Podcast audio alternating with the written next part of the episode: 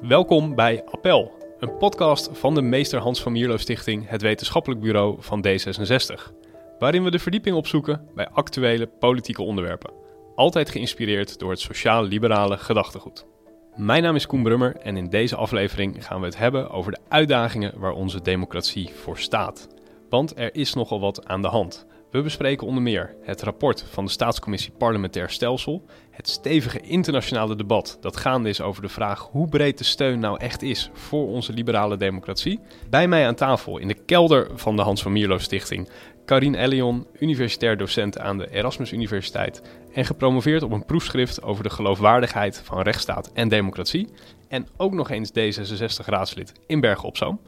En Tom van der Meer, hoogleraar politicologie aan de UvA, auteur van het boek Niet de kiezer is gek en, niet onbelangrijk om te vermelden, lid van de staatscommissie Parlementair Stelsel.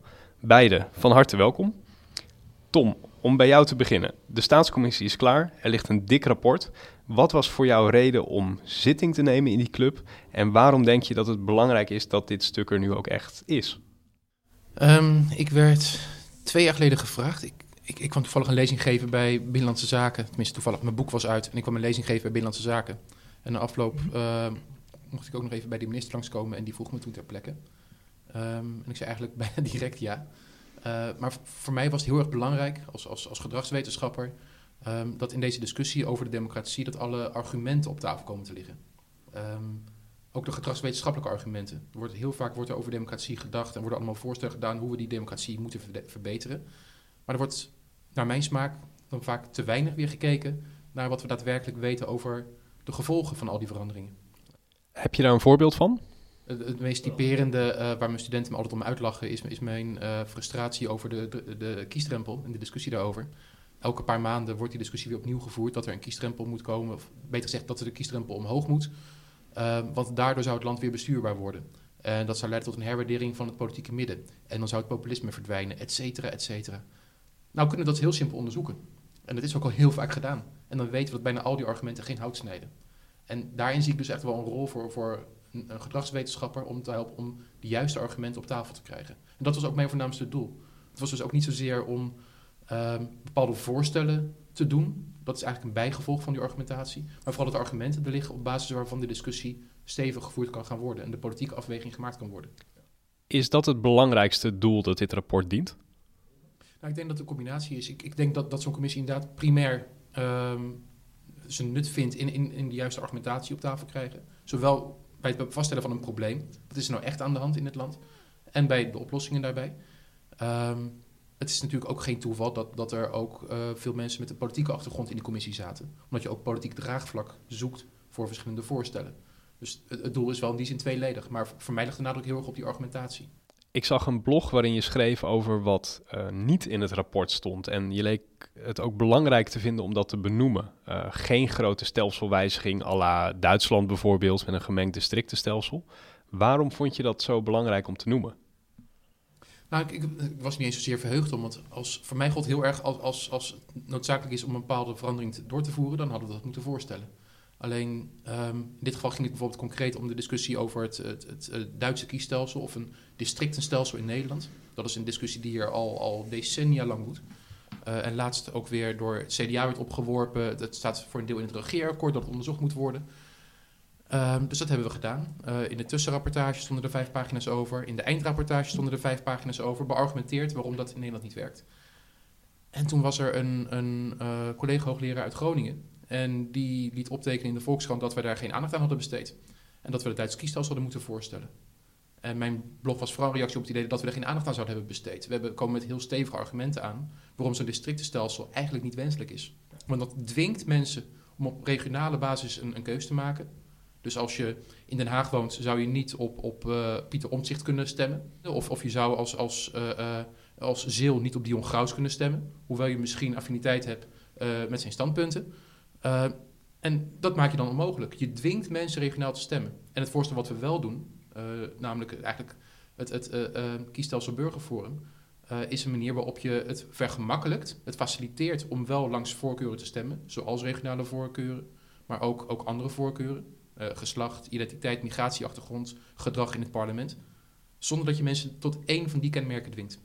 Karin, jouw proefschrift gaat over de geloofwaardigheid van onze rechtsstaat en democratie. Uh, laten we bij het begin beginnen. Is er een geloofwaardigheidsprobleem? Uh, ja, dat uh, denk ik wel. Ook al heb ik dat vooral onderzocht wat het betekent en niet zozeer een gedragswetenschappelijk of sociaal-wetenschappelijk onderzoek gedaan van wat dat dan precies is. Ik heb een schets gegeven. maar ik denk dat er inderdaad wel een geloofwaardigheidsprobleem is. En geloofwaardigheid valt uiteen in aan de ene kant, ja, net als vertrouwen, dat je iets gelooft. En dan gaat het vooral over betrouwbaarheid van de overheid. En uh, dat uh, als mensen zorgen hebben, dat daar uh, aan, te, aan tegemoet gekomen wordt. Dat is één ding. En het andere aspect is geloof in democratie. Dan gaat het meer over idealen. En um, dat is een wat lastiger punt. Want aan de ene kant geloven mensen wel heel erg in democratie. En zijn ze vaak idealisten op dat punt. Soms zelfs heel erg idealistisch, zoals Gabriel van den Brink heeft gezegd. En um, dus dat is wel zo. Maar um, dat moet ook worden onderhouden. En dat uh, gaat niet zo makkelijk. En ik was heel erg benieuwd wat nou een rol speelt bij dat geloof in recht, rechtsstaat en democratie. En ik heb daarvoor een aantal literaire teksten geanalyseerd door de geschiedenis heen. Uh, beginnend bij ongelovige Thomas. En dan die Thomas gevolgd uh, uh, via de 17e eeuw en de 19e eeuw en 20e eeuw met name. En ik wou ook echt moderne teksten hebben. En dat leverde een heel genuanceerd beeld op. Uh, en daarbij ging het vooral om erkenning. En erkenning in een emotionele zin, erkend worden, het gevoel gerespecteerd te worden. Maar vervolgens kwamen daar uh, in die 17e eeuw ook nog weer andere uh, betekenissen bij. Zoiets als onderkennen wat, je, wat de grenzen van je, van je, van je eigen begrip is. Of ehm, ja, ook uiteindelijk zelfs in de 20e eeuw heel ja, bijna bijbelse uh, invullingen weer. Je bekennen tot iets, uh, zelfreflectie. Nou, in ieder geval erkenning, wederkerigheid, dat kwam erbij. Reflexiviteit. Nou, dat zijn allemaal ingewikkelde termen. Waar het om gaat is dat het niet een eenvoudig iets is. En um, ja, wat kun je er nou mee? Nou, je kunt er. Uh, het maakt gevoelig voor uh, ja, wat als je het hebt over democratie, dat democratie eigenlijk één soort gesprek is, één groot gesprek is, of eigenlijk moet ik zeggen, heel veel verschillende soorten gesprekken. En dat het daar iedere keer telt toch weer uh, zowel uh, ja, wat, hoe, je, hoe mensen denken, wat voor kennis je hebt, wat voor informatie. De zoektocht bij democratie is, en dan kom ik een beetje op uh, de uh, het uh, rapport van de uh, staatscommissie is iedere keer om te zoeken naar het beste gesprek voor het type besluit wat voor ligt. Dus wat is nou wat mensen raakt? Hoe voelen ze zich erkend? En hoe kun je daar dat gevoel van ja, geven en nemen in, in, in, in brengen? Ja. En toen kwam dat rapport van, van, van Tom en consorten uit. Ja, ja. En vanuit dit perspectief, hoe keek je daar toen naar? Ja, nou, Um, ik, vind het een, ik vind er een paar hele goede dingen in zitten. Uh, de aandacht voor uh, democratische vorming, burgerschapsvorming in het onderwijs. Dat vind ik heel erg belangrijk. Democratie begint van onderop, in de hoofden en harten van mensen, om het zo maar te zeggen. En, en in het oefenen, gewoon in de dagelijkse wereld. Het omgaan met teleurstelling, frustratie, daar begint het, vind ik heel belangrijk. Uh, ja, ik voel me natuurlijk als jurist ook wel aangetrokken tot het idee over een constitutioneel hof. Uh, al wil ik daar wel bij opmerken dat we hebben hier in Nederland instituties, die zijn door de historie gevormd. Dat, uh, en, en je ziet een soort wisselwerking tussen de instituties die we hebben en de praktijk die zich daaraan aanpast. En uh, dat betekent ook dat je voorzichtig moet zijn met stelselwijzigingen. Dus wat daar net naar voren kwam, daar ben ik het ermee eens. Want uh, ja, uh, van bovenaf grote wijzigingen, dat ontkent eigenlijk dat dynamische karakter van instituties. En nou, constitutioneel hof, ja, al is het dus ook zo dat we nu al met uh, de Hoge Raad en het uh, Hof in Straatsburg ook al een soort van constitutionele toetsing ja. hebben. Maar misschien kan het het iets dichterbij brengen. Ja. Moeten we goed over nadenken. Want wat je nu zegt, je komt nu eigenlijk al op het onderscheid tussen, tussen, tussen de regels en de instituties en de cultuur en hoe die elkaar ja. wederzijds, wederzijds uh, beïnvloeden. ja, Tom, in jouw boek Niet de kiezer is gek, dat leest eigenlijk ook als een soort volgens mij is een van jouw stellingen niet, niet, we hebben geen democratische crisis, maar we, we hebben een partijpolitieke crisis. Hè, Mhm. Omdat die politici zich op een bepaalde manier gedragen. Dat is natuurlijk heel erg een uiting van cultuur. En daar ligt het echte probleem. Maar eh, hoe ziet dat er volgens jou uit dan? Wat doen zij? Wat, wat zorgt voor, voor een probleem? Nou ja, de, de, de relevantie bijvoorbeeld van, van, van het huidige rapport wat er ligt van de staatscommissie, dat zit hem heel erg in, in eh, de veranderende context. Wat, er is eigenlijk de laatste 50 jaar wel heel veel veranderd. Eh, kiezers zijn assertiever geworden, Ehm, zijn niet meer slaafs aan één cel waar ze eerst in zaten. Ehm, kiezers zijn ook meer gaan afrekenen. Eh, er zijn meer partijen gekomen. Die partijen zijn ook meer op elkaar gaan lijken. Hm. Eh, de internationale context is veranderd. Dus digitalisering heeft er plaatsgevonden. Ehm de opleidingsniveau van, van burgers is hoger geworden. Dus op heel veel manieren enorm veel veranderingen geweest. Eh, dat heeft ertoe geleid dat, dat verkiezingen steeds veranderlijker zijn. eh, dat het steeds lastiger wordt of minder voorspelbaar wordt welke coalities er kunnen gaan komen. Maar wat we zien is dat al die ontwikkelingen vanuit democratisch oogpunt eigenlijk prima zijn. Alleen dat de cultuur, met name in politiek Den Haag op, ook, en ook in heel veel gemeentes, niet is mee veranderd. De cultuur is nog steeds de cultuur die we hadden zo'n jaar of vijftig geleden, waarin we op zoek gingen naar eh, meerderheidscoalities met dichtgetimmerde regeerakkoorden, zodat we onzekerheden konden uitbannen, eh, in de hoop dat we dan vier jaar konden blijven zitten. Maar dat is niet meer het geval. De, de, de, de, de context is zoveel dynamischer geworden dat partijen daarop zouden moeten inspelen. Dat ze daar rekening mee moeten houden met, met, die, assertieve kiezer die ook graag vaker wat van zich wil laten horen. Ehm, met die kiezer die, als je gaat regeren, sneller naar een andere partij hopt dan vroeger het geval was. En er zijn aanpassingen voor mogelijk. Ehm, in, in het gedrag, met name het gedrag van politieke partijen die minder dichtgetimmerde regeerakkoorden kunnen sluiten, minderheidscoalities kunnen sluiten en dan wisselende meerderheden kunnen gaan zoeken. Ehm, af en toe referenda, eh, openstaan voor referenda. Dat zijn allemaal manieren waarop je hiermee kan omgaan. Maar zolang die partijen dat niet doen, wordt een mismatch tussen wat, hoe de democratie eigenlijk functioneert in de brede omgeving en de cultuur in met name politiek Den Haag wordt dan steeds groter. Carine, herken jij dit vanuit jouw perspectief van geloofwaardigheid? Ja, dat eh, herken ik wel. En ik herken het ook vanuit een perspectief van eh, raadslid. Eh, kijk, aan de ene kant zit ik in de theorie. En aan de andere kant is het raadslidmaatschap een uitstekende manier om eens te observeren wat er in de praktijk gebeurt. En Want, dat want Tom zegt eigenlijk gewoon, mensen als jij zijn ook het probleem, hè? politici. Ja, ja, ja, precies. Dat is zo. Ehm, ik doe mijn best om het zo goed mogelijk te doen. Wat ik zie is dat als het gaat om ehm, democratie, en dan kijk ik toch even naar het lokale als een voorbeeld, een denkvoorbeeld, is eh, dat er, eh, eh, ja, dan kan ik wel beamen wat jij zegt. Dat politici nog niet goed doorhebben wat er speelt. En dat die burger op zoek is naar een soort buffet van mogelijkheden eh, voor inspraak. En dat je iedere keer dat op de juiste manier moet toepassen.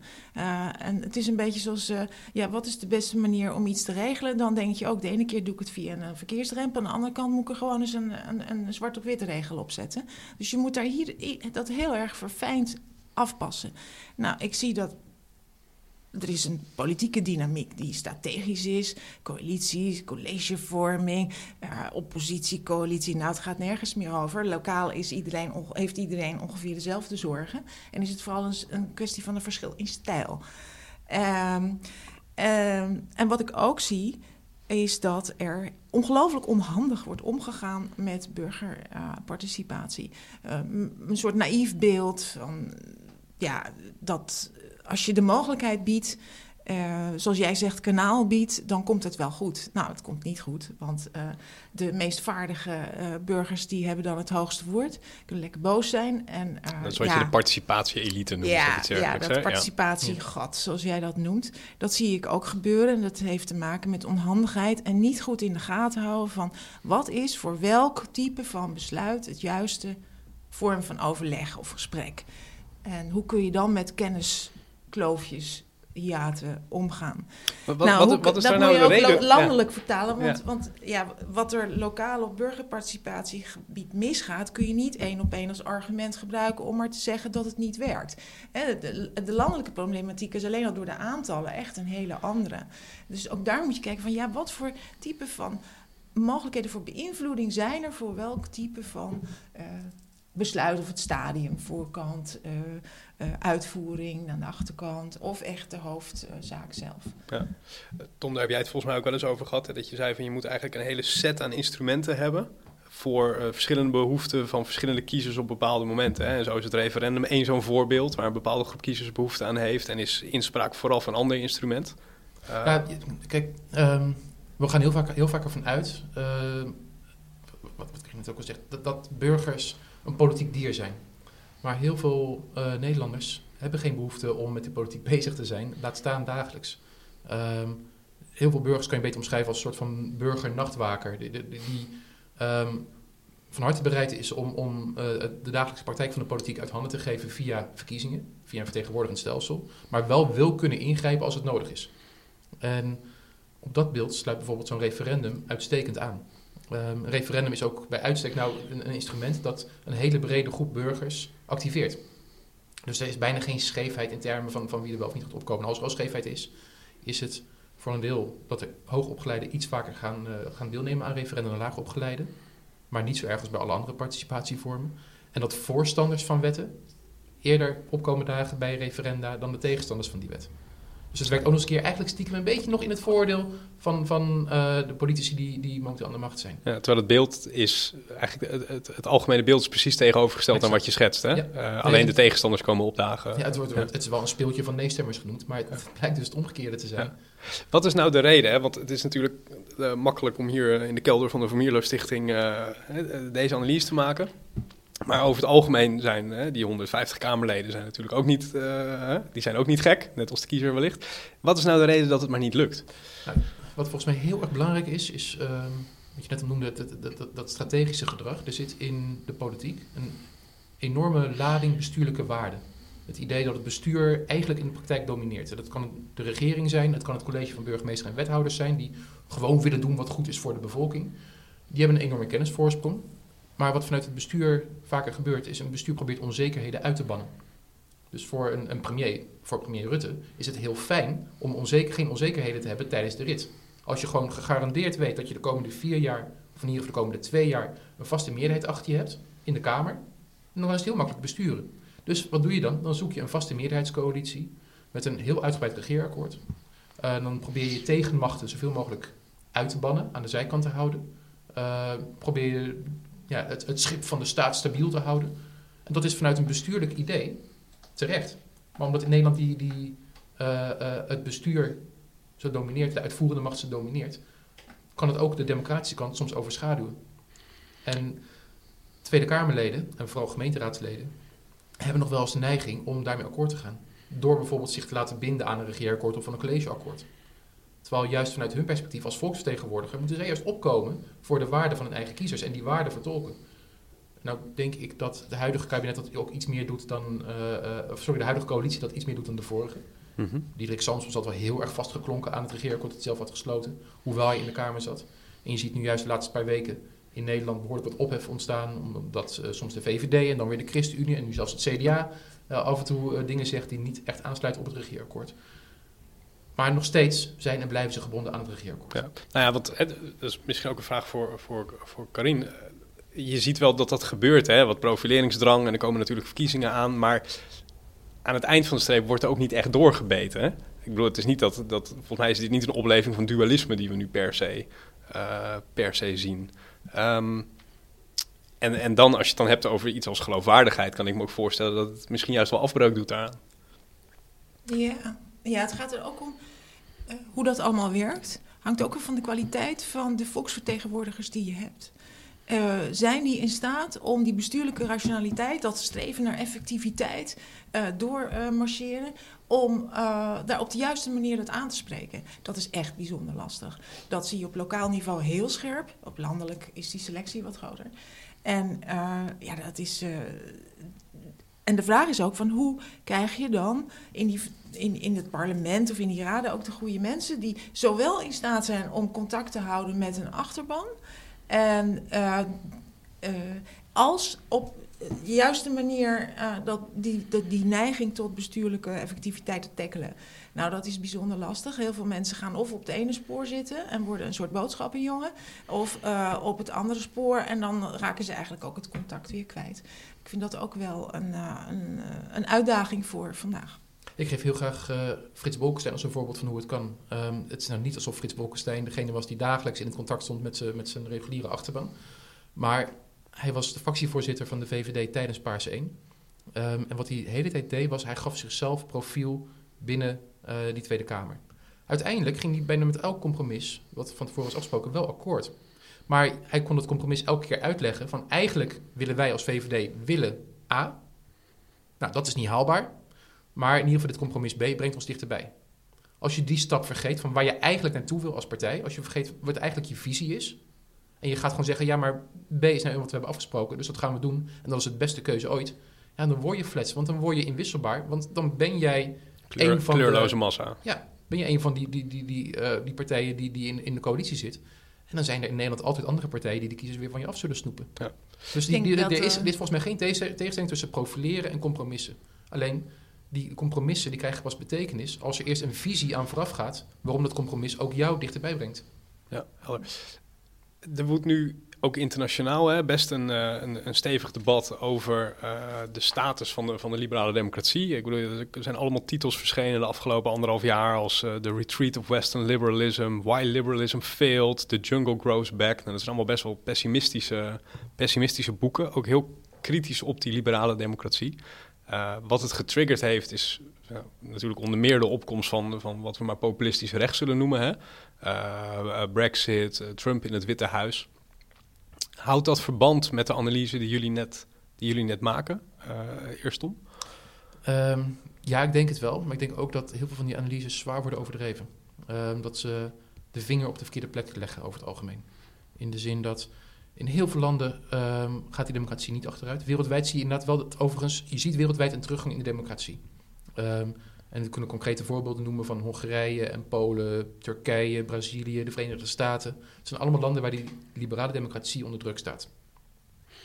En dat wordt heel vaak verweten aan bijvoorbeeld kiezers. Nou, of burgers. De, de, kiezer zou minder op hebben met die liberale exact, democratie. Dat, dat is wat uh, Jascha Monk ook, ook stelt. Uh, de, de, de kiezer verliest zijn geloof in, in, in de democratie. Nou ja, die stelling is behoorlijk met de grond gelijk gemaakt uh, um, door onderzoekers die ook hetzelfde materiaal hebben onderzocht als, als Jascha Monk. Um, jongeren hebben minder met de democratie dan ouderen, maar dat hadden jongeren tien jaar geleden ook. En tien jaar daarvoor ook. Dus dat is een leeftijdsverschilletje. Als je wat ouder wordt, dan ga je die democratie wat belangrijker vinden. Dat heeft niks met generaties te maken. Um, die kiezer is gewoon echt nog heel erg veel aan die democratie. Uh, het, het, percentage mensen in Nederland bijvoorbeeld. Sorry, Nederland is bij Monk een van degenen die uh, een van de landen, die wordt aangehaald als voorbeeld van een land waar, waar die steun voor democratie enorm sterk gekelderd zou zijn. Nou, de steun voor de liberale rechtsstaat, de steun voor de democratie als beste bestuursvorm, de wens om in de democratie te wonen, dat is allemaal rond de 95% in Nederland. De tevredenheid met de democratie is zelden zo hoog geweest als in de laatste 10 jaar in Nederland. Veel hoger dan 20, 30 jaar geleden. Dus die democratie die kan op heel veel waardering rekenen het probleem zit dus ook niet zozeer bij burgers, maar die zit hem veel meer bij normvervaging bij elites. En ik denk dat, dat we daar veel meer naar zo moeten, en, moeten kijken. En, dit is een vraag waar ik graag van jullie allebei een antwoord op zou willen. Normvervaging bij elites, of hè, als het dan niet aan de burger ligt. Uh, hoe ziet dat, schetst dat eens? Wat is dan dat probleem waardoor je toch kunt zeggen, hè, wereldwijd zit die liberale democratie of democratische rechtsstaat in de verdrukking? Hoe, hoe, hoe loopt zo'n proces? Nou, als je kijkt waar, in welke landen deze, uh, deze verdrukking het meest zichtbaar is, dan zijn het die landen die ik net noemde. En dat zijn bijna allemaal landen met een heel sterk meerderheidsprincipe. Dat betekent dat je met maar een, een klein deel van de stemmen kan je al meerderheid van de zetels in het parlement halen. Dus uh, Orbán die kan gewoon uh, de grondwet naar zijn hand zetten. Uh, Erdogan eigenlijk evenzeer inmiddels. Um, in in, in Amerika heeft Trump met een, een minderheid van de stemmen, heeft hij een meerderheid gekregen. Hij heeft gewoon het Witte Huis gekregen, meerderheid van de kiesmannen. En dat, dat geeft een merkwaardig effect. Want in, in zo'n systeem heb je als uitvoerende macht meer macht dan in Nederland. Want in Nederland moet je continu alle geluiden aanhoren. Je hebt pas macht als je een coalitie kan smeden. Ja, de kans dat in Nederland één partij de absolute meerderheid gaat halen, het is nog nooit gebeurd, maar is verder dan ooit. Ehm, De nivellering van partijen zit alleen maar door. Wij zijn een, wij, jij zegt in elk geval in het geval van Nederland, wij zijn een veilig land. Nou, evenredige kiesstelsels zijn, zij hebben een hele belangrijke barrière, omdat je continu coalities moet sluiten. Ja. Er komt nog eens een keertje overheen dat in, in die landen met zo'n meerderheidsstelsel, dat als je weet dat je maar kan rekenen op, kan rekenen op een minderheid, ehm, dan moet je er nu alles uithalen. En dan is het eigenlijk ook in je voordeel om het systeem naar je hand te zetten. Want als je eenmaal zou verliezen, dan lig je ook echt buiten de macht. Dan lig je er volledig naast. Dus wat, wat zie je dan gebeuren in die landen? Hongarije is een typisch voorbeeld. Die gaan proberen het systeem naar, de, naar hun eigen hand te zetten. Die komen met een hervorming van het kiesstelsel, wat ze kunnen doorvoeren omdat ze die meerderheid hebben. Maar daarmee garanderen ze ook nog eens een keertje dat ze die meerderheid kunnen behouden. Je ziet het in, in Amerika, waar eh, eh, de, de rechtspraak op deze manier naar hand wordt gezet, of via ger- gerrymandering, districten zo worden afgetekend dat de zittende macht de meerderheid kan gaan blijven behouden. En dat is in een land als Nederland, door, juist door die evenredigheid, bijna niet mogelijk. Want dat lukt pas als je een meerderheid van de mensen achter je krijgt, een meerderheid van de partijen, eh, sorry, een meerderheid van de zetels in het parlement achter je krijgt. Ja, dan moet je nu met, met vier partijen moet, je- moet je overeenkomen dat deze vier de macht kunnen behouden in een nieuw systeem. Ja. Dat is niet te doen. Dus je stelling is eigenlijk, hè, zodra je een minderheid onevenredig veel macht geeft, gaat hij vanzelf manieren verzinnen om die macht te behouden. En kun je dus ook tot zelfs antidemocratische maatregelen gaan Nou, komen. niet vanzelf, het is, het is een risico. Je ziet het, Kan- het, kan gebeurt niet in alle gebeuren, landen. Engeland is een voorbeeld waar dit nou eigenlijk niet het geval is. Ja. Maar het risico erop wordt groter. En met name als de polarisatie steeds groter wordt, als er één partij eh, zich heel erg afzet tegen de andere en elkaar steeds meer als vijanden gaan beschouwen, ja, dan wordt het probleem groter. En dat is ook wat je hebt gezien in, in Hongarije, eh, wat je hebt gezien in, in de Verenigde Staten, wat je ziet in Turkije. Dat de, de verhoudingen tussen de partijen en ook tussen de kiezers van die partijen wel heel erg op scherp is gezet. Ja, je Eh, ziet dat. Eh, wat, wat ook wel van belang is om te beseffen eh, in welke context dit allemaal gebeurt. Het zijn Amerikaans-Engelstalige boeken, vanuit een Amerikaanse context geschreven. Eh, dit probleem in Amerika speelt al decennia, is diep verweven met het systeem wat men daar heeft. Niet alleen het politieke systeem, maar ook het economische. En eh, ja, en Hongarije, dat soort landen hebben ook hun eigen historie. En dat heeft invloed op de cultuurmentaliteit, de, de, de opvatting van de, van, de, van de rol die je hebt als politicus en ook eh, als kiezer. Dat is eh, wel een heel belangrijk punt wat daarbij meegenomen moet worden. Wat in een aantal van die, van die literatuur ook terugkomt, hè, is de link tussen een soort welvaartsbelofte ehm, en steun of vertrouwen voor democratie. Hè. Zo van, het is makkelijker om mensen te, te winnen, eh, of je systeem heeft gewoon meer, hoe zal ik het zeggen, meer, meer reserve, hè, meer, meer, meer, levert meer dankbaarheid op, als je ook een soort welvaartsbelofte richting je bevolking hebt. En die auteurs wijzen dan ook op, eh, nou, hoe zou je het zeggen, de, de, hè, de periode na de Tweede Wereldoorlog was een periode van ongekende economische groei. Dat werd heel sterk gekoppeld aan een gevoel van hè, die liberale democratie is de beste staatsvorm. Dat staat natuurlijk de laatste decennia enigszins op losse schroeven. Hè? En een groot deel van, van inwoners, ook van, van uh, Europese en, en Amerika, hebben, zijn er nauwelijks op vooruit gegaan de afgelopen 30 jaar, feitelijk. Zie jij daar een relatie, zie je daar een probleem? Ja, dat zie ik wel. Sociaal-economische uh, sociale economie is, is ontzettend belangrijk als oorzaak van, van vertrouwen. is een, een belangrijke factor. En daarnaast willen mensen graag dat hun kinderen het beter hebben. En, en, en als derde is eigenlijk zo dat men daar ook wel ongeduldig in is.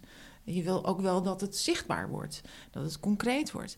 En dat is, ja, als dan economisch wat minder gaat. En als men tegelijkertijd voelt en ziet hoe, dat voor, hoe bepaalde mensen daarvan uitgezonderd zijn, dan is het wel gewoon echt heel veel beter hebben. Dus gewoon uh, economische ongelijkheid. Ja, dat, dat zet heel veel kwaad bloed. Dat, dat maakt versterken. extra wantrouwig. Ja, ja, ja, okay. ja, dat zie ik wel.